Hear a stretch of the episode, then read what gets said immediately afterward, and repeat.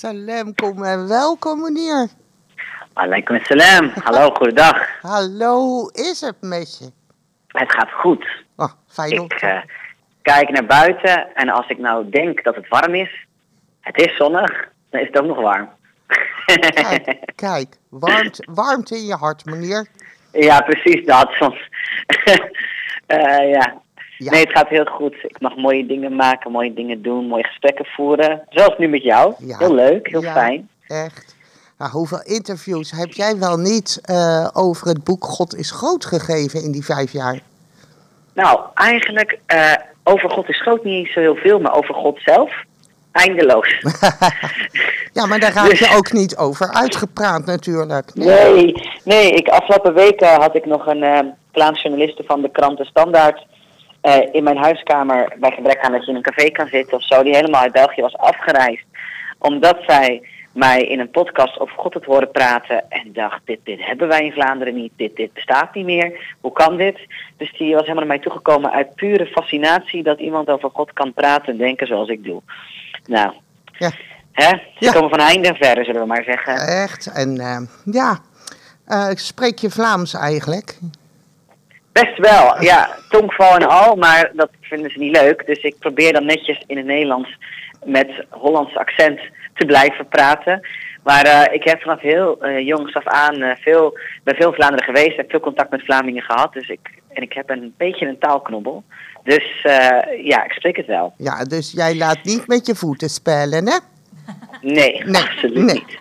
Eh, maar we zitten nu, Monier, in de vaste maand eh 2021. Ja. Ja, in de Ramadan. En is dit eh, dan ook je eerste gesprek een beetje over de Ramadan die jij in 2016 eh, s- zelf hebt meegemaakt? Ja en nee, in die zin. Ik heb veel vrienden die islamitisch zijn. Dus ik heb al een heleboel Ramadan Karims, Ramadan Mubarak's de deur uitgedaan. Dat zijn de zegenwensen voor de Ramadan. En ook terug ontvangen. Eh, en ik heb al met, eh morgen ook bijvoorbeeld een iftar en zo. Dus eh, ik heb het wel over de Ramadan, over het boek als zodanig. Nee, maar jawel trouwens, want een paar maanden geleden kreeg ik al een paar berichten van mensen die zeiden... ik denk dat ik deze Ramadan mee wil vasten, gewoon witte, niet-islamitische Nederlanders. En eh, heb je daar tips vo- voor? Toen zei ik, nou ja, ik denk dat mijn boek misschien wel de grootste tip is. Lees dat en ga het vast aan. Dus ik weet ook van meerdere mensen in de omgeving dat ze deze Ramadan voor het eerst meedoen. Nou, Zelf heb ik niet een handige maand gekozen destijds om mee te doen, want het was de langste, eh, de langste vaste dagen en de kortste nachten en de heetste Ramadan in Nederland. Dus ik had wel meteen een vuurdoop destijds. ja, jij had een vuurdoop. En toevallig heb je hier dus ook een eh, beetje een vuurdoop, eh, meneer. Want zoals ik in ons gesprek voorheen al zei, van ja, ik wil je mini, mini, mini theatershowtje eh, laten luisteren. Je eigen levensverhaal, maar dan op de radio. En ja, Oh. ja toeval bestaat niet, of, of zoiets, of zo. Maar ja, je bent nu bij, eh, bij de boekenluisteraar. En ja, daar wil ik, ondanks dat het Ramadan is, toch wel met jouw lievelingsdrankje beginnen, Monier. En weet je dan welke ik bedoel? Nou, het is of halal bier of het is Fairuz. nou, de Feyenoord weet ik. Ja, nou ja, in jouw, in jouw boek heb je het over een goed glas water met een scheutje heilige geest. De geest, ja, Ja. ja, ja, ja. ja. Ja, nee, dat, nee daar, daar, heb je- daar heb je nooit van uitgedronken. Nee. Levend water, zullen we het noemen. Daar had Jezus het ook al over in de Bijbel. Ja, maar wie is Monier Samuel dan toch, die jonge man van begin 30, een bevlogen schrijver van meeslepende boeken en meer? Nou, mijn luisterlijstje ga je nu horen. Wie ben je? Wat doe je? Waar werk je? Wanneer spreek je? Hoeveel tijd duurt dat? Wat lees je? Nou, dat is wij. Wat vergeet ik? Zeg je, zeg je. Ik luister. Maar wat een stel. Ja, wat stijl heb je, Monier? Dank je. Ja. dat ga ik niet dat bevestigen nog ontkennen. en, en wat vind je van deze luisterlist? Ik ga hem niet afwerken hoor, want dan eh, moet ik nog een Dan uur... zijn we nog vijf uur verder. Maar Ja. eh, wat is de vraag die je het liefst zou willen stellen? Oh, dat, dat, vind ik, dat, dat vind ik nou niet eerlijk hoor. Dan gaat mijn hele tekst naar de knoppen. Ik heb een heel vragenlijst, Simonier. Nou, maar begin maar met de eerste. Nee, nee, nee, nee, nee, nee. Zo gaat mijn hoorspel helemaal naar de knoppen. Ja, Luister. Moet leven zonder script, dat vraagt God ons ook. Om uit onze box te stappen, uit onze vaste kader, uit onze planningen. Als de coronacrisis ons iets leert, is dat het leven zich niet laat plannen. Dit was het canceljaar. Alles werd geannuleerd. Ja, nou, ik moet dus nu ook mijn tekst cancelen, maar... ik ga toch verder, meneer, want onze bindende kracht is Ja. God is groot. Dus, Ja, dat klopt. Dat boek heeft jou geraakt, begrijp ik. Ja, God heeft mij geraakt, nu- hè? Ja. Nou, Ja. laat me nou toch. De bindende kracht. God is groot. Van gevoelsmens tot gevoelsmens. Van spirit tot spirit. Van transman tot glansvrouw. Van 8% zicht tot 8% zicht. Van koepel tot kaba. Van halleluja tot ja ilahi. En gaat verder. Van het kan ook anders tot anders zijn. Van hart op hart. Van het is zoals het is of zoiets. Van ons kent ons. Van adem in en adem ook weer uit. Maar nu van meneer Samuel Schrijver met een schrijversgave. Tot DJ-dichter Essia bij de boekenluisteraar. Dus, hallo meneer. Hoi, Essia. Hoeveel meer doe jij op een doordeweekse dag? Buiten het schrijven van deze prachtige boeken van jou. Ehm, nou, ik ben iemand waarvan mensen denken, je produceert zoveel, jij zal wel drie uur slapen en eh 500 uur per dag aan het werk zijn. Dat is dus niet zo. Ik werk heel weinig en ik werk in hyperfocus en hyperenergie. Maar dat dus ik kan soms letterlijk maar een uur of twee of drie werken per dag. De rest van de tijd loop ik, daarom vind ik het zo belangrijk dat het een beetje warm is buiten, loop ik urenlang buiten, kijk om me heen, luister muziek, luister heel veel naar preken. Vooral van Afro-Amerikaanse pastors. Eh, en, en, en lees en reflecteer en voer hele mooie diepe gesprekken. Ik probeer iedere dag in ieder geval één goed, echt gesprek te voeren. Met vrienden of onbekenden voor de matter. En eh, in dat lopen, in dat zoeken, in dat bidden, in dat eh, lezen, in dat praten, doe ik inspiratie en inzichten op en observaties op de samenleving, waaruit ik dan in die piekenergie schrijf of eh, een presentatie maak of een masterclass vormgeef of eh, een, een nieuw concept ontwikkel voor een museum. Ehm, ik werk op dit moment het meest als, eigenlijk als, als een transitiemanager van de Nederlandse kunst- en cultuursector. Ik help allemaal organisaties en partijen van grote musea tot poppodia, tot festivals, tot eh, danstheater. eh, in een beweging naar een inclusieve en toegankelijke en veilige kunst- en cultuursector voor iedereen. En nu alles nog dicht zit vanwege corona, heb je ook de ruimte en de tijd om die diepere vragen te stellen en echt grote stappen te zetten. Zodat als straks die kunst- en cultuurinstellingen open gaan, ze hopelijk een andere taal gebruiken, een andere manier met hun met het eigen team omgaan en echt van binnen naar buiten veranderen. En dat daarmee ook de samenleving voor een deel eh, wordt geraakt en veranderd. Want kunst en cultuur is toch echt wat een, een land maakt of breekt. Ja, En onderscheidt van een bananenrepubliek of een, of een platte onderneming, zo'n BV Nederland, zonder enige inhoud. Ehm, dus eh, ja, ik, maar dat, is, dat doe ik in, in pieken. En dan daarna, dan loop ik, dus ik loop eigenlijk, het grootste deel van de dag, zie je mij rusteloos rondlopen. oké. Want in mijn hoofd gebeurt van alles en broeit van alles. Het is niet dat ik niks doe terwijl ik wandel. De grootste inzichten komen dan omhoog. Ja, de grootste, de mooiste en de meest bruikbare. Ja, Ja. maar ook de meest confronterende. Ah. Het is een constant gesprek met jezelf ook. Ja, ja. Nou, dat zal veel beter je afgaan, een gesprek met jezelf als met mij. Want ik heb natuurlijk nog meer vragen. Eh, ja, het is nu een moeilijke coronatijd natuurlijk. Wat heb je, had je in deze tijd willen doen, maar kon het niet doen door, eh, door deze coronacrisis? Oh, alles en niets. Eh, kijk, ik heb vorig jaar het boek Noodzakelijke Gesprekken geschreven. Dat is een rechtstreeks gevolg van de coronacrisis. Toen in maart vorig jaar premier Rutte zei... alle bijeenkomsten met meer dan 100 mensen worden afgelast.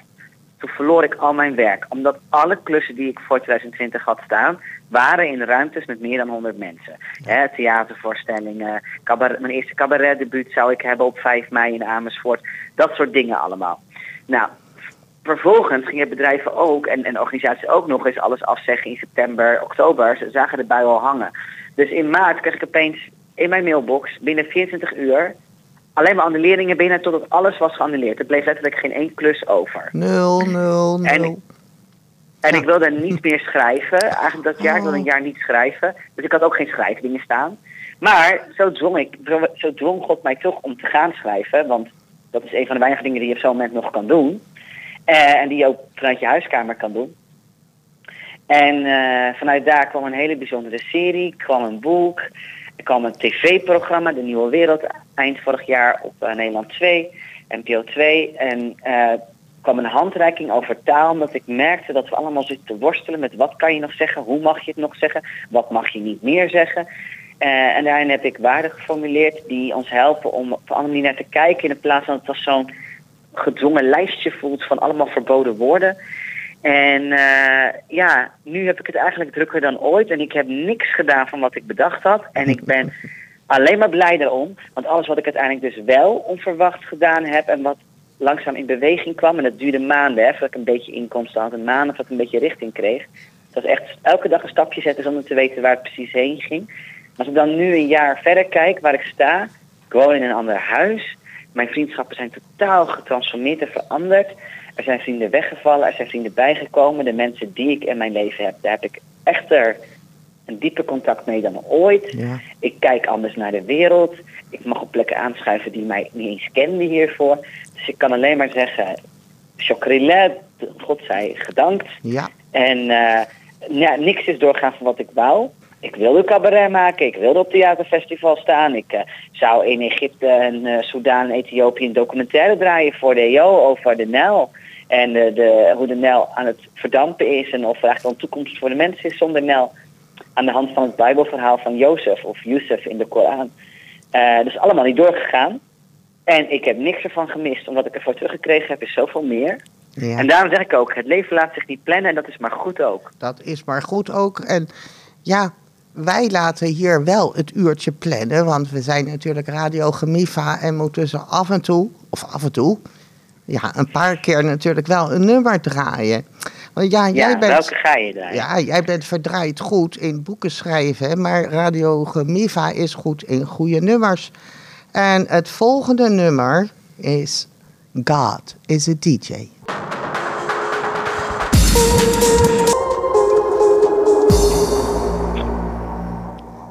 Hallo meneer. Hallo meneer. Yes. Ja, ja, ja. Ja, Ja, zit je een beetje relaxed? Zeker. Ja. Eh, naar welke muziek luister jij het liefst? Oh, dat is een hele goede vraag. Muziek is voor mij echt uh, zuurstof voor de ziel. Ik luister dag en nacht naar muziek. En het kan van alles zijn.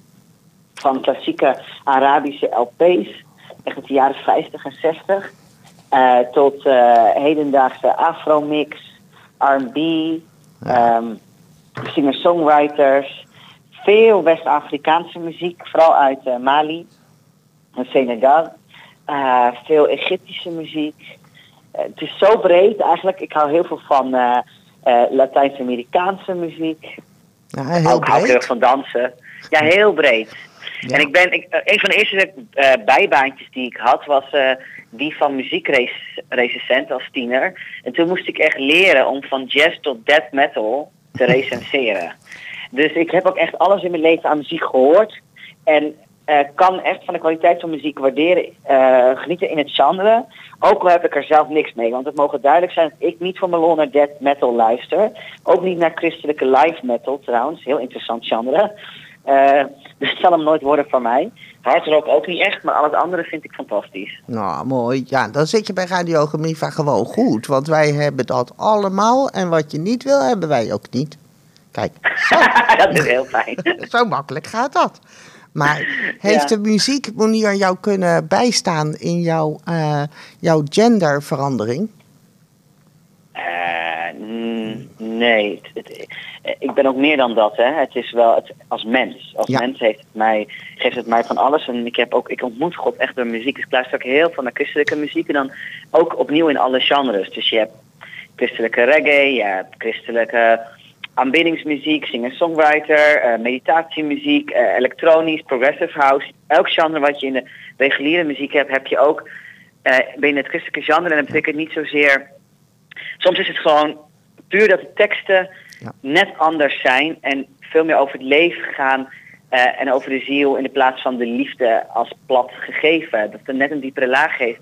Maar het is echt niet alleen maar glorie, glorie, halleluja. Verre van dat eigenlijk. Ja. En ik luister dat heel veel wanneer ik mij bijvoorbeeld down voel of eh, wanneer ik de, de, de sfeer in huis wil veranderen. Dus ehm, ik merk dat zodra ik dat soort levensgevende teksten aanzet of lees in een boek of in de Bijbel, dat ook letterlijk de energie in huis verandert en mijn stemming verandert. Ja. Dus ik gebruik muziek ook als stoel om een bepaalde stemming op te roepen. Dus ook bij het schrijven van mijn boeken luister ik altijd muziek. Meestal eh, instrumentaal of klassiek, omdat tekst je te veel afleidt als je aan het schrijven bent. Maar ik kan soms echt eh, bijvoorbeeld extreem seksuele muziek eh, met hele expliciete teksten of extreem treurige muziek opzetten, bewust om in een bepaalde staat te belanden, om zo mijn literaire teksten beter te kunnen schrijven. Ja, ja ik, eh, ik kan dat helemaal invoelen, want dat heb ik gehad met, eh, met deze mini-show voorbereiden. En ik heb Mm. tig nummers beluisterd van, ja, wat zou ik daarvoor kiezen? Nou, de, de rest dat komt straks wel. Maar we gaan terug naar het boek God is groot. Want Ja. dat was voor mij de meest eh, begrijpende en meest eenvoudige manier om te begrijpen wat jij bedoelde. Het klinkt misschien vaag en zo ben ik ook. Ja. Maar ja, voor mij was het boek echt eh, zo, zo ja, herkenbaar. Hè, het was of ik, het is jouw levensverhaal en jouw geschiedenis. Maar ik zag de mijne in het mini, mini, mini Nou, vormen. het is dus niet mijn levensverhaalgeschiedenis. Dan zou het echt mijn, mijn eigen autobiografie moeten zijn. Het is de, voor de luisteraar die het boek niet kent. Het is een reis van een christelijk, christelijke man hier in Nederland. Die in contact staat en in contact komt met eigenlijk alle vormen van islamitische gemeenschappen in Nederland die we hebben.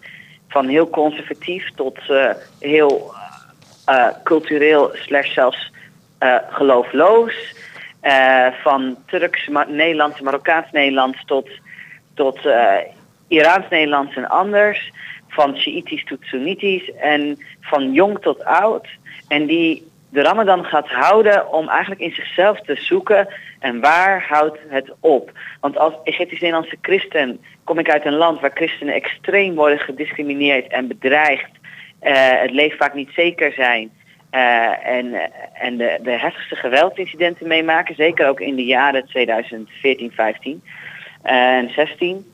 Eh, en ik besloot, maar wat als ik de liefde van Christus zo in mij veranker dat ik echt bereid ben naast de ander te gaan staan, in diens schoenen te gaan staan, in de moskee te bidden, eh, de, het vasten te, houden ehm, en echt in gesprek te gaan met moslims in Nederland en te kijken wat het voor hen betekent om in dit land moslim te zijn. Want ik word heel vaak voor een moslim aangezien en ervaar dus al allerlei vormen van discriminatie en islamofobie op straat.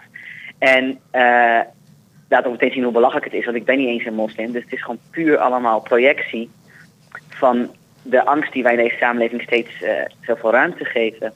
En het mooie was dat toen ik de Ramadan ging houden en daar een dagboek voor de Groene Amsterdammer van bijhield online, dat allerlei reacties gaf van met name jonge moslims in Nederland. Die zeiden, ik wil mijn verhaal aan jou vertellen.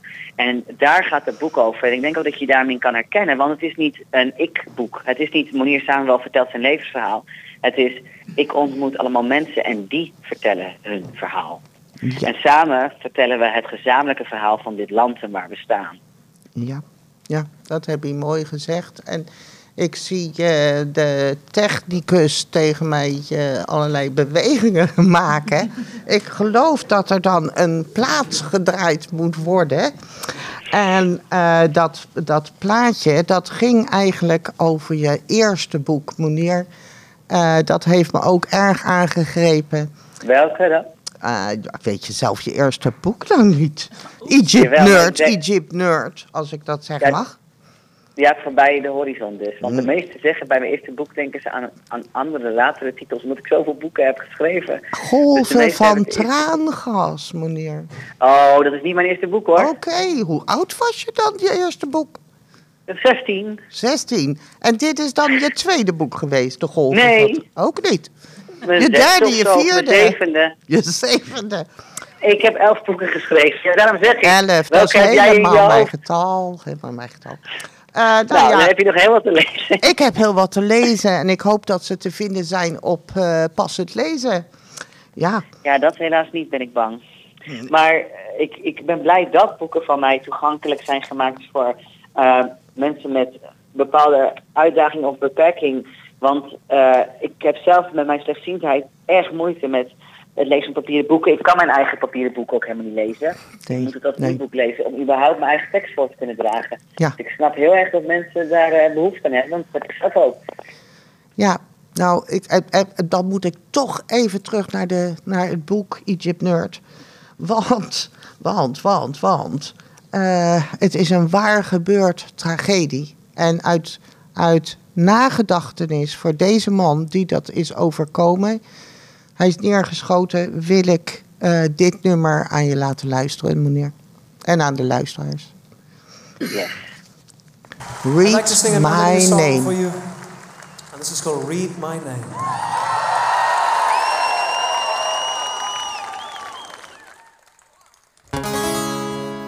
For every child that has been born,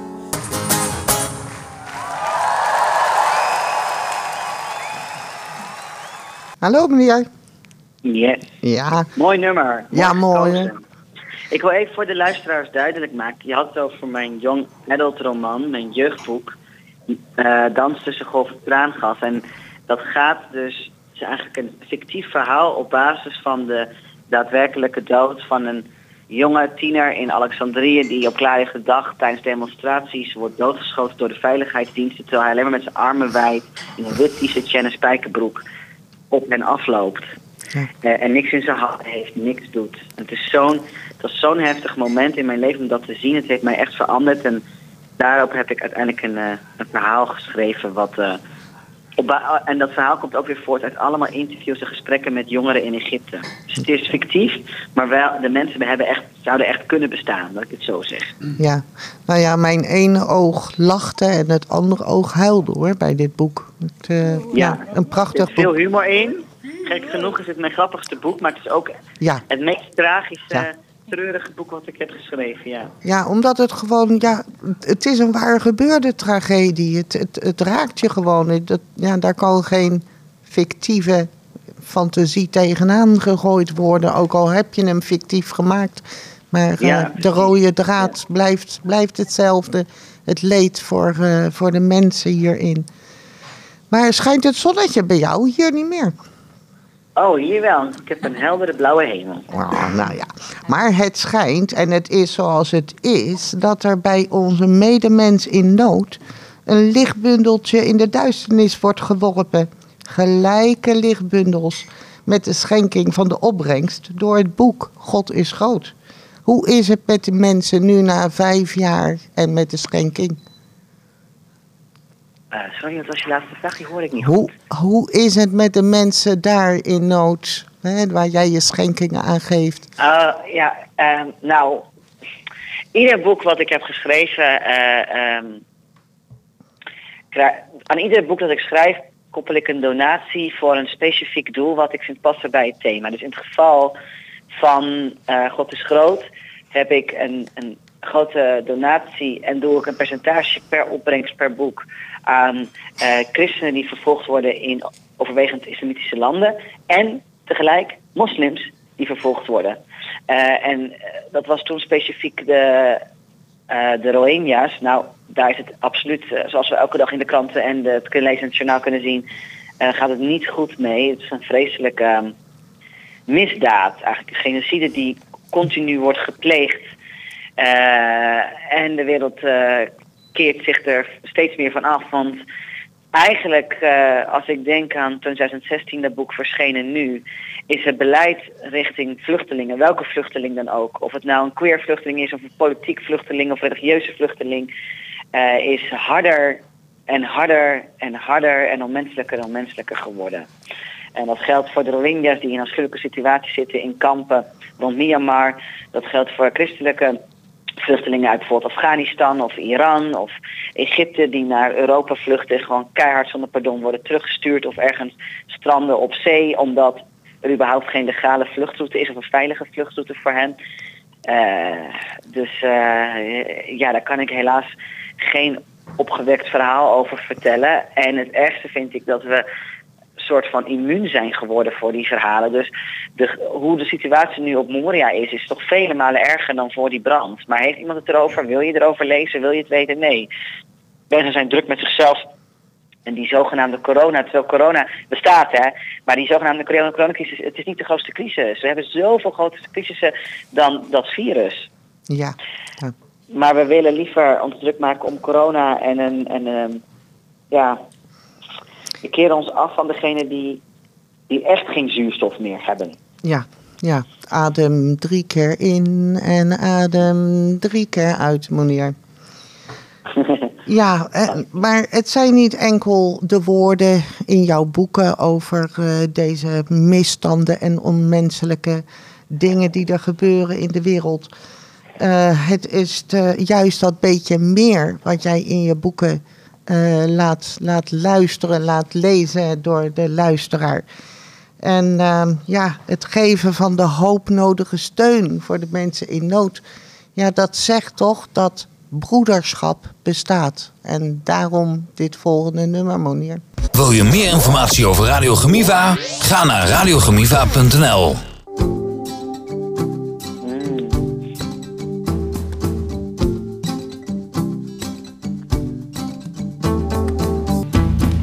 Ja, helaas, er ging gewoon uh, wat, uh, wat anders als anders hier bij de boekenluisteraar meneer. Maar ja, prachtig nummer, verzoeknummer wat jij hebt doorgegeven aan ons. En je krijgt straks gewoon Hey Brother als laatste. Ik uh, snap niet wat er mis is gegaan. Ik heb lekker meelopen zingen. Haha, kijk. Dan, dan ik weet... nergens last van. Nee, nou dan weten wij ook helemaal van niks hier. Niks, precies. Nee. Uh, maar jouw boek God is groot, dat staat uh, met prachtige citaten natuurlijk uit de Bijbel, uit de Koran. Maar daar staat ook een van jouw spirituele ervaringen in. En dan heb ik het over uh, de zeeschildpad in Egypte. Oh ja. Ken nee, je? in Libanon. Oh, in Libanon. Ken je, ja. ken je het gedicht nog uit je hoofd? Uh, nou, een, een fragment. Ik, uh, ik was, uh, het was 2011. Ik reisde door uh, Egypte, Jordanië, Palestina, Israël en Libanon. En ik kwam aan bij de Corniche in Beirut, bij de uitgestrekte boulevard. En ik zag daar drie mannen met elkaar vissen. En dat bleken jeugdvrienden te zijn die elkaar al 16 of 20 jaar niet hadden gezien. Omdat ze alle drie om economische redenen als gastarbeiders in de regio waren gaan werken. Dus één in Irak en één in Dubai en één in Saudi-Arabië. En ze waren voor het eerst weer herenigd, ze waren aan het vissen. Maar één van hen zat eigenlijk in een klein boekje te lezen de hele tijd. En die noemde ze ook de professor en de ingenieur. En dat was een beetje een, uh, ja, echt een man met een brilletje. Echt een beetje ja, verstoorde professorachtig type. En ik vroeg aan hem, wat lees je? En tot mijn verrassing zat niet een Arabisch boek te lezen, maar een Engelse vertaling van Rumi. En uh, hij ging voor mij dat voorlezen, een, een gedicht over de Birds of Paradise. En op dat moment kwam er een enorme schaduw in het water van de Middellandse Zee. En wij gingen alle drie, vier kijken van wat gebeurt er. En ze gingen roepen. En toen bleek het meer dan een meter grote zeeschildpad te zijn. Maar zij wisten niet wat het was. Ze hadden nog nooit een schildpad gezien. En er komen ook helemaal geen zeeschildpadden in dat gebied van de Middellandse Zee voor.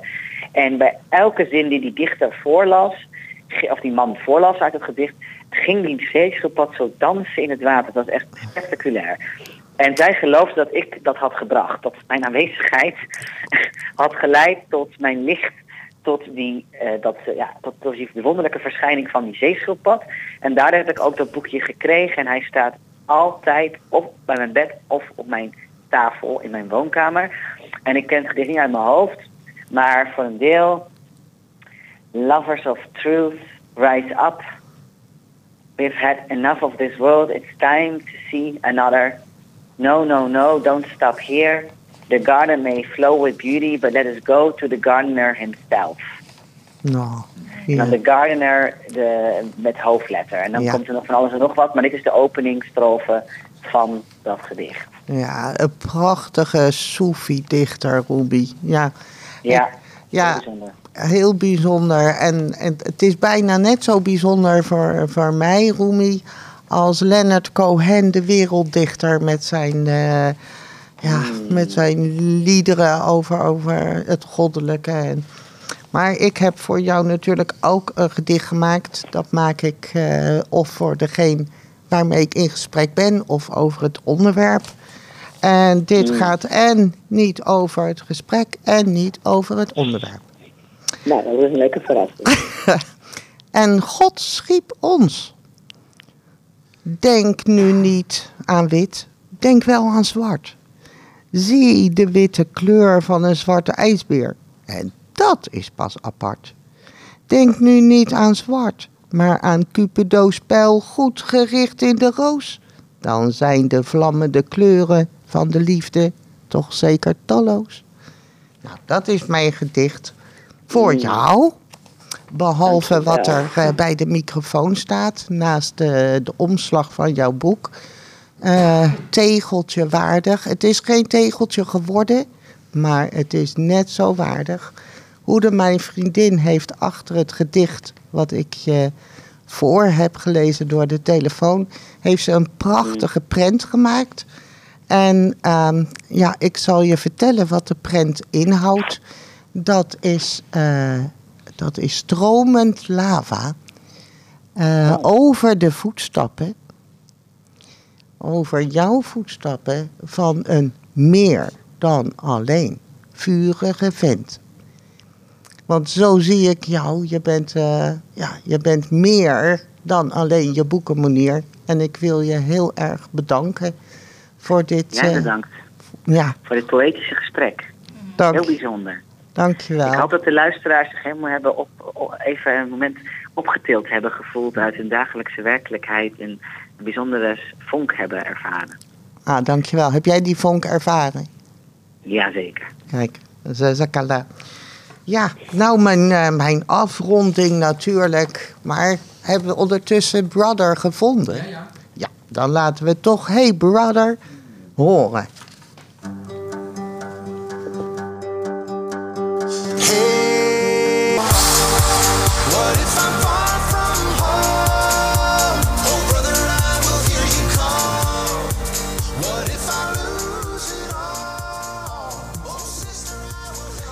Hallo meneer. Yes, hallo. Hallo. Nog steeds zen? Ja hoor, absoluut. ja, nou wij hier ook. We zijn zen, maar we hebben nog maar twee minuten. Dus ik, ik hoorde je net zeggen dat je bezig bent misschien met een, nog een boek, een nieuw boek. De twaalfde Ik, dan? eh, nou, dat hoop je denk ik dat ik dat zei. Dat zei ik niet. maar eh, ik ga wel binnenkort weer schrijven. Ja, ik heb wel het gevoel dat ik een, eh, een, een, een, een boek... eh, dat ik eigenlijk al heel lang wegren voor een boek, namelijk over mannelijkheid en man zijn. En ik wil het boek De Man van de Toekomst noemen. En ik heb het al jaren in mijn hart. En het gaat eigenlijk over alles wat er in deze de samenleving gebeurt. En hoe de man zichzelf verloren is en wat het voor gevolgen heeft voor elkaar, voor het klimaat, Ja. voor politiek eh, landschap, voor racisme, voor bedrijfsleven, voor de economie zoals die nu is. We leven in een door mannen gemaakte wereld, maar mannen weten niet eens wat man zijn betekent. En het wordt tijd dat daar echt een boek over komt waarin man zijn ook helemaal hergedefinieerd wordt. Alleen het is een ongelooflijk moeilijk en ook heel persoonlijk boek om te schrijven. Dus ik ren er nog een beetje voor weg. Het is een hele kluif, maar eh, anders of, of eh, minder wordt het niet. Want jij bent de man van meer. En het, het wordt een prachtig boek ook weer. En wij bij Radio Gemiva gaan daarop wachten. Want meneer, als je het goed vindt, mag ik je nog een keer interviewen. Als jij je boek af hebt natuurlijk. Hè? Oh, zeker. Ja, Ja. hoor. Echlen met zeggen. Welkom. Ja, dus dank van ons bij Radio Gemiva. Dank van mij, van de boekenluisteraar. En ja, Inshallah, tot de volgende interview, meneer. Yes. Dankjewel. Shukran. Jij ook bedankt. Jullie heel erg bedankt. En een eh, fijne dag. Dankjewel, jij ook. Salam.